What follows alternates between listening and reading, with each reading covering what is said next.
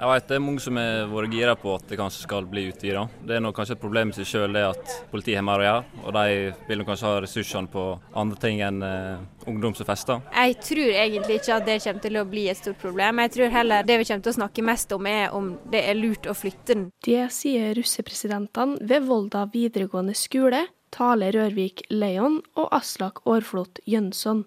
Sjøl om flere ønsker å forlenge feiringa over hele landet, mener Leon det er mer aktuelt i de større byene. Nå er vel kanskje det et litt større problem typ rundt Oslo. Og der vet jeg at mange begynner ganske tidlig i april og holder på. I fjor var det vel fram til sommeren i juni. Men her var vel ikke det samme problem. Det var vel det at den ble flytta lenger fram pga. korona. Politistasjonssjef ved Volda og Ørsta politistasjon, Oddbjørn Myklebust, forteller at politiet lokalt ikke er bekymra for den kommende russetida. Ja, Ut ifra den dialogen vi har hatt med russen så langt, så uh, ser vi fortsatt at det er en ganske normal russefeiring sånn vi ser det per i dag. At de starter med, med russeklede og litt russemarkeringer litt i slutten av april, og, og de feirer som normalt framover. Så, så, for vår del så ser ikke vi at det skal være noe utvidet russefeiring som bekymrer oss per i dag.